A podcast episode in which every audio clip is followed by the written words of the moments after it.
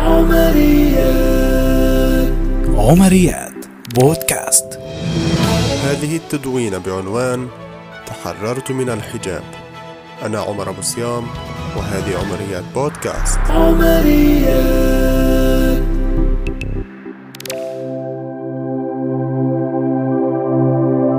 انتشر مؤخرا الوسم المشؤوم Free from Hijab أي تحررت من الحجاب.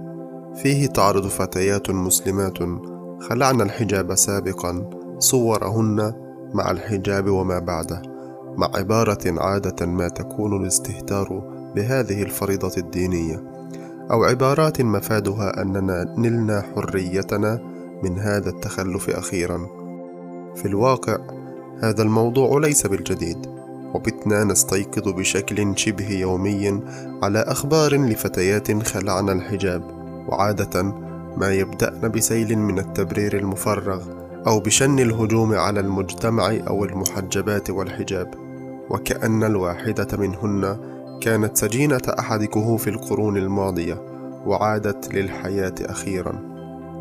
هذا البودكاست ليس مكانا لمناقشة الحرمة الدينية أو مناقشة الحكم الشرعي في خلع الحجاب. ذلك أنني لست طالب علوم شرعية ولست مؤهلا لقول ذلك فقط ما علمته وتأكدت منه قبل كتابتي لهذه الحلقة من رجال الدين الثقة أن هناك إجماع على فريضة الحجاب والاختلاف هو في كيفية شكله وحسب هل يغطي اليدين أو الوجه أم يكشفهما ليس أكثر من ذلك وبالتالي من ينتظر مني أن أثبت هذه الفريضة فأستطيع أن أطمئنه بأنني لست بصدد فعل ذلك. ثم لنتفق أيضا أن قرار ارتداء أو خلع الحجاب شئنا أم أبينا هي مسألة حرية تدور في فلك الحريات الشخصية حتى وإن كان خلعه مخالفا لما أمرنا الله به. فالإنسان مخلوق مسير في هذا الجانب يختار الطاعة أو المعصية.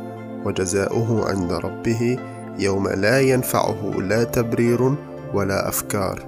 شأنه كشأن الصلاة مثلا. نعم أنا أختار أن لا أصلي لكنني سأعاقب على هذا التقصير وأعلم ذلك. أو أن يفرض علي مديري في العمل ارتداء زي موحد. وإذا لم أفعل سأغرم مثلا أو أطرد من عملي. الحرية شخصية والعاقبة تتلائم مع القرار. كم منا سأل نفسه عن سبب انتشار هذه الظاهرة؟ ولماذا هذا التوقيت لارتفاع هذه الموجة الجارفة التي لحقت بها الكثير من الفتيات؟ حتى أولئك اللواتي هن من بيئة متدينة أو من ارتدينه عن قناعة شخصية فيما مضى. ما سر هذا التحول المفاجئ؟ هل هو تأثير ال social media أم أن هناك أسبابا أخرى هذا ما سأحاول الإجابة عنه في هذا البودكاست المتواضع.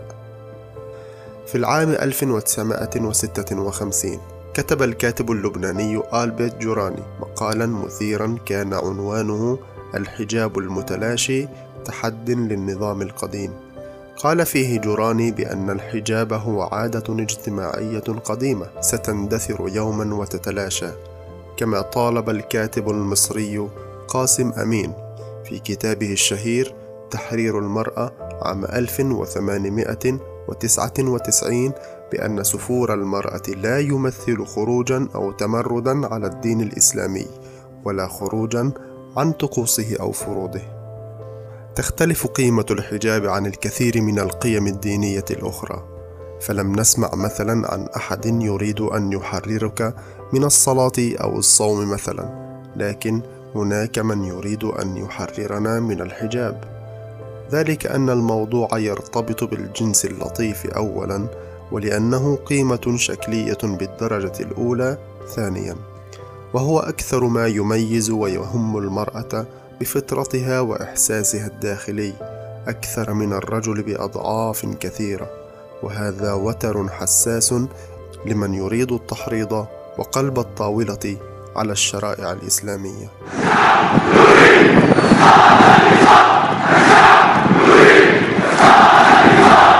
بالعودة إلى زماننا المركب هذا فإن خيبة الأمل التي تلقاها الشباب في العالم العربي بعد نكسة ثورات الربيع العربي وثورة 11 يناير المصرية على وجه التحديد حفز المجتمعات العربية على أن تراجع أفكارها على اختلافها ولعل غسيل الدماغ الإعلامي في كل مكان ساهم باجترار هذه الأفكار كثيرا. فشهدت منطقتنا موجة إلحاد عنيفة ومهاجمة للقيم الدينية بشكل ملحوظ. حتى وصل ببعض النساء في مصر تصوير فيديو أثناء خلعهن للحجاب بشكل أشبه بالاحتفال ثم يدسنه بأقدامهن مع فرحة عارمة تعلو وجوههن بهذا الانتصار.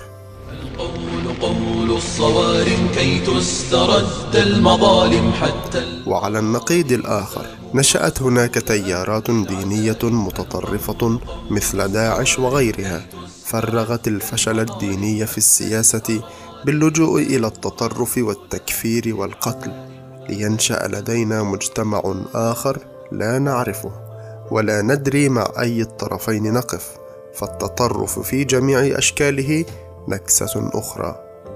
مع ذلك فإن الشعوب الشرقية تبقى الأكثر محافظة وتدينا من الشعوب الغربية ويعتقد البعض أن معظم حالات الإلحاد في بلادنا ليست حقيقية وإنما نابعة من شكوك شرعية لا تجد العناوين الصحيحة للإجابة عنها وتفنيدها، وهو ما يجرنا إلى مشاكل أخرى في الإنكار والهجوم وخيبة الأمل، وهذا ما كتب عنه دكتور عصام تليمة، أحد رجالات الأزهر الشريف، مقالا بعنوان ملحدون بلا إلحاد.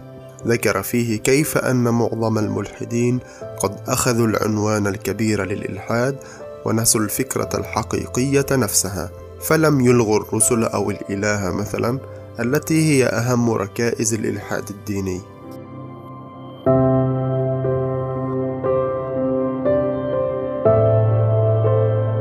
خلع الحجاب لا يأتي من عبث ولعل خلف كل فتاة تتجرأ على هذه الخطوة حكاية من الجروح والخيبات المجتمعية وصراعا داخليا يستعر كلما وضعت قطعة القماش على رأسها. خلع الحجاب لا يعني خلع الأخلاق أو انتقاص من المكانة الدينية لغير المحجبة. فكم من محجبة بأخلاقها وحيائها واحتشامها تساوي سبعين محجبة لا تصون هذه الفريضة المقدسة. التي تدعو للاحتشام الداخلي والخارجي دون تمييز. ومع ذلك فليس مبررا ابدا التعالي على المحجبات والنظر إليهن بنظرة الشفقة وليس من المقبول هذه الدعوة العلانية في ترك الحجاب والتغلب عليه فإذا حرم الله فتاة من الحجاب بسبب قصورها البشري أو بسبب ظروفها الخاصة أو تكاسلها أو أي سبب آخر. ليس من حقها أن تتمنى لمن سبقها خطوة بالرجوع عنها. والأولى إما أن تعترف لنفسها قبل كل شيء بتقصيرها ثم تدعو الله أن يلهمها العودة إليه عاجلا غير آجل.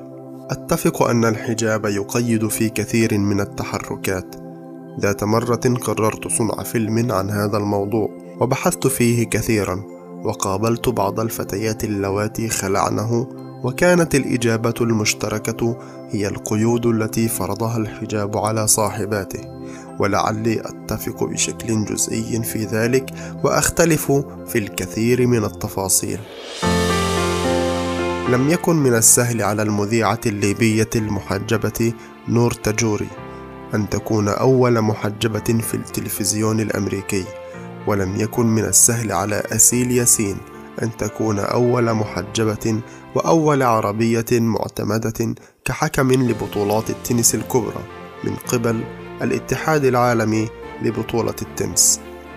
ولعل كارولين ووكر المرأة الأمريكية المسلمة التي عينت كأول قاضية أمريكية محجبة تحكم فيما اختلف فيه الناس في بلادها وأقسمت على القرآن الكريم من أجل الإخلاص في مهنتها لعلها لم تصل إلى ما وصلت إليه بهذه السهولة. كما لم يمنع الحجاب الصحفية اليمنية توكل كرمان من الحصول على جائزة نوبل للسلام عام 2015 هذه القصص ليست من نسج الخيال وهناك المئات بل الآلاف غيرها. أذكرها هنا ليس من باب المفاخرة بقدر ما هو دحض لما تنشره بعض سيدات ال social media من مدربات وفنانات زورا وبهتانا بأن الحجاب قد منعهن من التطور الوظيفي والنجاح المجتمعي.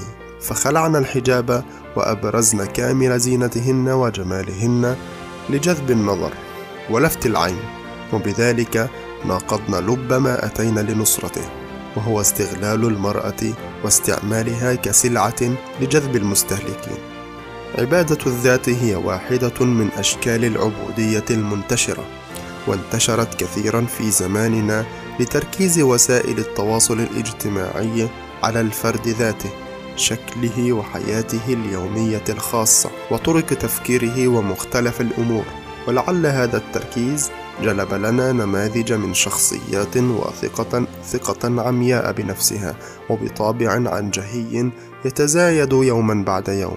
جعل من الفرد أن يعبد ذاته ولا يقبل بتقييدها مهما كان. حتى وإن كان ذلك المقيد هو دينه أو أخلاقه أو عادات مجتمعه وتقاليده. فينتقد ويشوه وينجر خلف كل كلام يسمعه. دون أن يكلف نفسه عناء البحث عن الحقيقة أو الرأي الآخر. ولعل نهاية هذا النوع من الناس ليس مبشرا بالخير.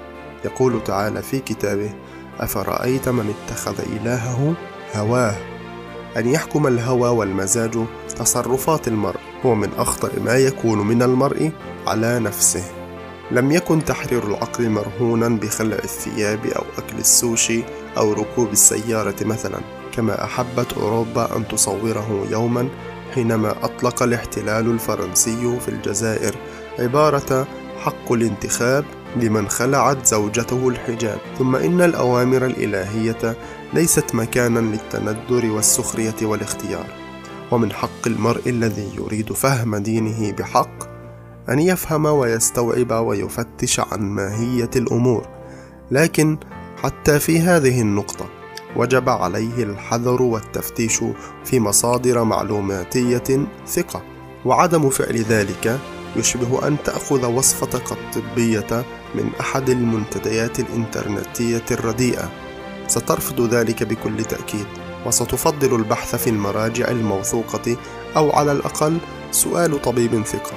وهذا التصرف لا يجوز أن يختلف أو أن تتهاون فيه حين السؤال عن صحتك القلبية والإيمانية والروحية. كم منا انجر وقلد الترند الرائج إذا أحسن الناس أحسن وإن أساءوا أساء. دع أخلاقك ودينك ومبادئك هي التي تحكمك. نعم يتغير الإنسان وهذا هو مسار الخلق الصحيح. لكن يبقى يناور في مساحة حقيقية غير زائفة وضمن قواعد معروفة ومحدودة لا تخرجه من نفسه وشخصه ومبادئه فالنفس في طبيعتها تركن إلى الراحة والسهولة في اختيار كل شيء وإن لم يربيها الواحد فينا ويحرمها ويقاوم رغباتها السيئة فسيجد نفسه قد قطع اشواطا من الانحراف الفكري أو المنهجي وهذا لا يتعلق بقضية الحجاب فقط. أخيرا الحجاب ركن من أركان هذا الدين الحنيف. شئنا ذلك أم أبينا؟ أبرزنا الحجج أم لم نبرزها؟ وخلعه علانية وبشكل منتشر وبارز لا يجعل الموضوع شرعيا. والاعتياد على الفعل الخطأ لا يجعل منه صحيحا. الأجدر من ذلك هو أن إذا بليتم فاستتروا فهو أولى من المجاهرة والمفاخرة وإذكاء روح الانتصار على فراغ. وكل تعليقات التشجيع على الخطأ ليست سوى محاولات بائسة للظهور بمظهر المنفتح العبقري الذي يتقبل كل القرارات. لسنا مثاليين لنتقبل كل القرارات. وعلى النقيض الآخر هو ليس فرصة للهجوم على من خلعت حجابها وليس مادة دسمة للتندر والسخرية والهجوم بقدر ما هو فرصة لمراجعة الذات ودعوة الله على الثبات على ارتدائه. فلا أحد منا ضامن نفسه وطريقة تفكيره ونهايته وخواتيم أعماله. والنصح الطيب المبني على الاحترام هو أولى على كل حال. يسعدني أن تشاركوني بآرائكم حول هذا الموضوع. وإلى لقاء قادم في الحلقة القادمة في عمرية جديدة. إلى اللقاء. عمريات. بودكاست.